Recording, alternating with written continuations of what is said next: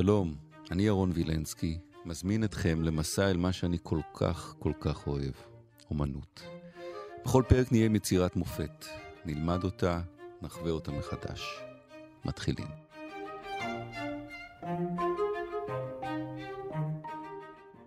חיכיתי הרבה זמן לרגע הזה, שבפודקאסטים האלה נדבר על אחד משלושת הציירים האהובים עליי ביותר, וזה מודליאני.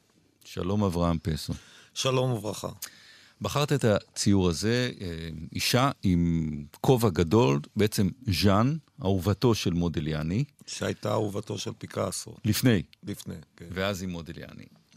ובואו נדבר על מודליאני, כי יש לו שפה מאוד מאוד מיוחדת ומאוד מאוד ייחודית לו.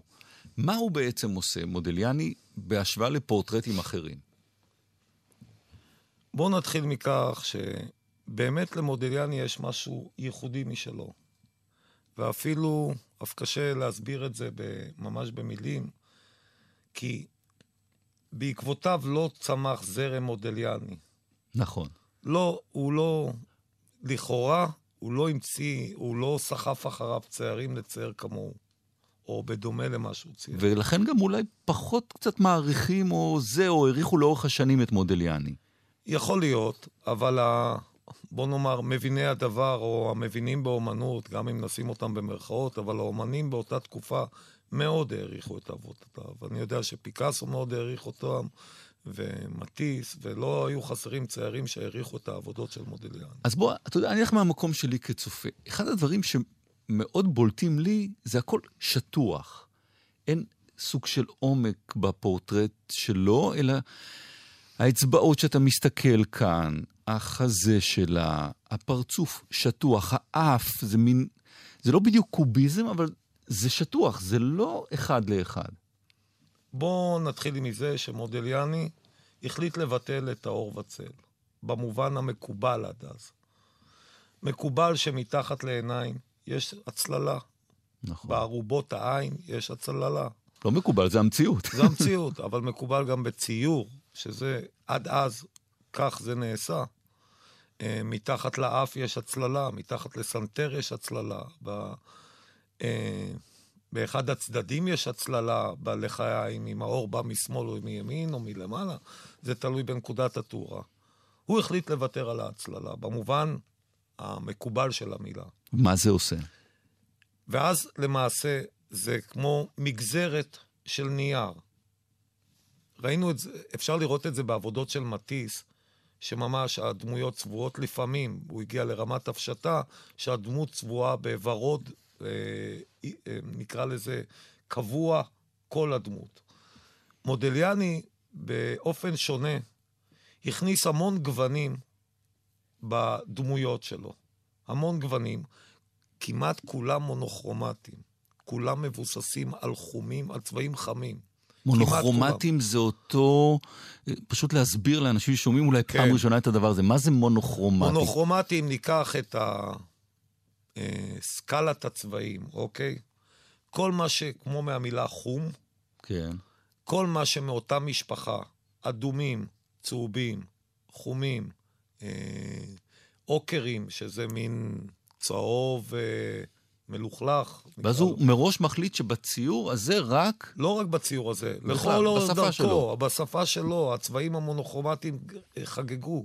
אתה לא רואה, תראה אצלו, נגיד, אה, צבעים אה, כחולים בוהקים, או ירוקים זוהרים, או...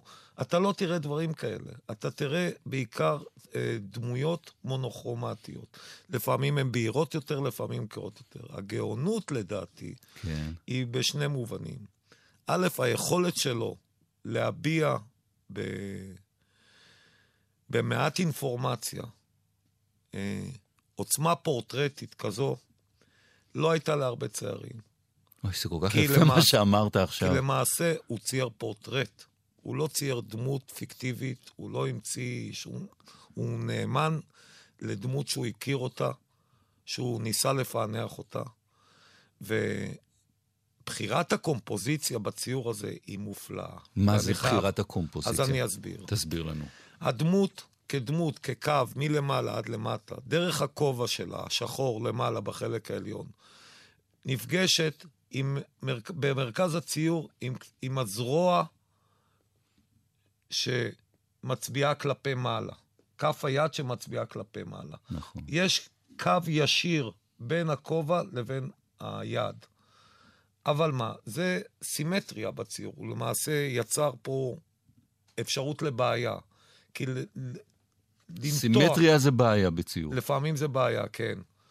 כי ברגע שחצית במרכז הבד, באינפורמציה כזו משמעותית, הנחת צורה במרכז הבד, למעשה כל השאר, כל מה שתשים אחרי זה, לא יהיה מאוזן. לא יהיה מאוזן, ואומנים באותה תקופה חיפשו איזון. אוקיי. הוא פתר את זה בשתי צורות. איך? א', בואו נתחיל מכך שהאישה, היא יושבת על, נקרא לזה, כורסה או ספה, לא רואים את זה, רואים כתם ירוק. נכון, מצד ימין שלה רואים מצד בעיקר. ימין, עכשיו, תשים לב, הרבה מהצורות של מודליאני הן קשורות במשולשים. אם נסתכל, היד חוצה למעשה את uh, הצוואר והחזה בשני משולשים, אחד נכון. מימין ואחד משמאל. אם נסתכל על הבגד שלה, שני משולשים. שני משולשים. שחורים. אם נסתכל על הספה או הכורסה שהיא יושבת עליה, זה שני משולשים. כשאתה מכניס משולש, למעשה אתה שברת את ה- הקו את הקו הסימטרי. המרכזי. אתה התחלת למשוך, למשוך כוח אל מקורות אחרים. העין שלך לא ת, תגלוש מיד על המרכז. היא תחפש את הקודקודים של המשולשים. זה מה שקורה בקומפוזיציה של משולשים. עכשיו, יותר מזה, הוא יצר, כל הראש שלה נוטה ימינה. הראש של, ה, כן, של המודל נוטה, נוטה ימינה. נכון. אז אה, מתבקש שכל הדבר הזה יהיה לו משקל יתר לצד ימין. הוא פתר את זה בזה שהוא הלך עם הכובע שלה עוד יותר ימינה, הכובע שלה נוטה עוד יותר ימינה, אבל הספה נוטה שמאלה. שמאלה. והחלק, הגוש התחתון של הספה והבגד השחור ושני המשולשים של בית החזה שלה, יוצרים איזון לכל, לכל החלק העליון. זאת אומרת, אם אני לוקח באמת, עכשיו אני מסתכל על זה, פעם ראשונה שאני מסתכל על זה ככה, הכל, הראש והכל ימינה, וכל החלק התחתון שמאלה, בדיוק. ולמעשה יצרתי שיווי משקל. וזה עובד עליי בתור זה- צופה. זה עובד עליך בתור בלי צופה. שאני אתה- יודע בלי בכלל. שאתה יודע בכלל. אתה מרגיש איזון בתמונה הזאת. והוא אתה- עושה את זה במכוון. ו- ועכשיו... הוא את- מכוון את זה? בדיוק? בוודאי. אתם חושבים על זה? בטח, בוודאי, בכלל בלי שאלה. בוודאי.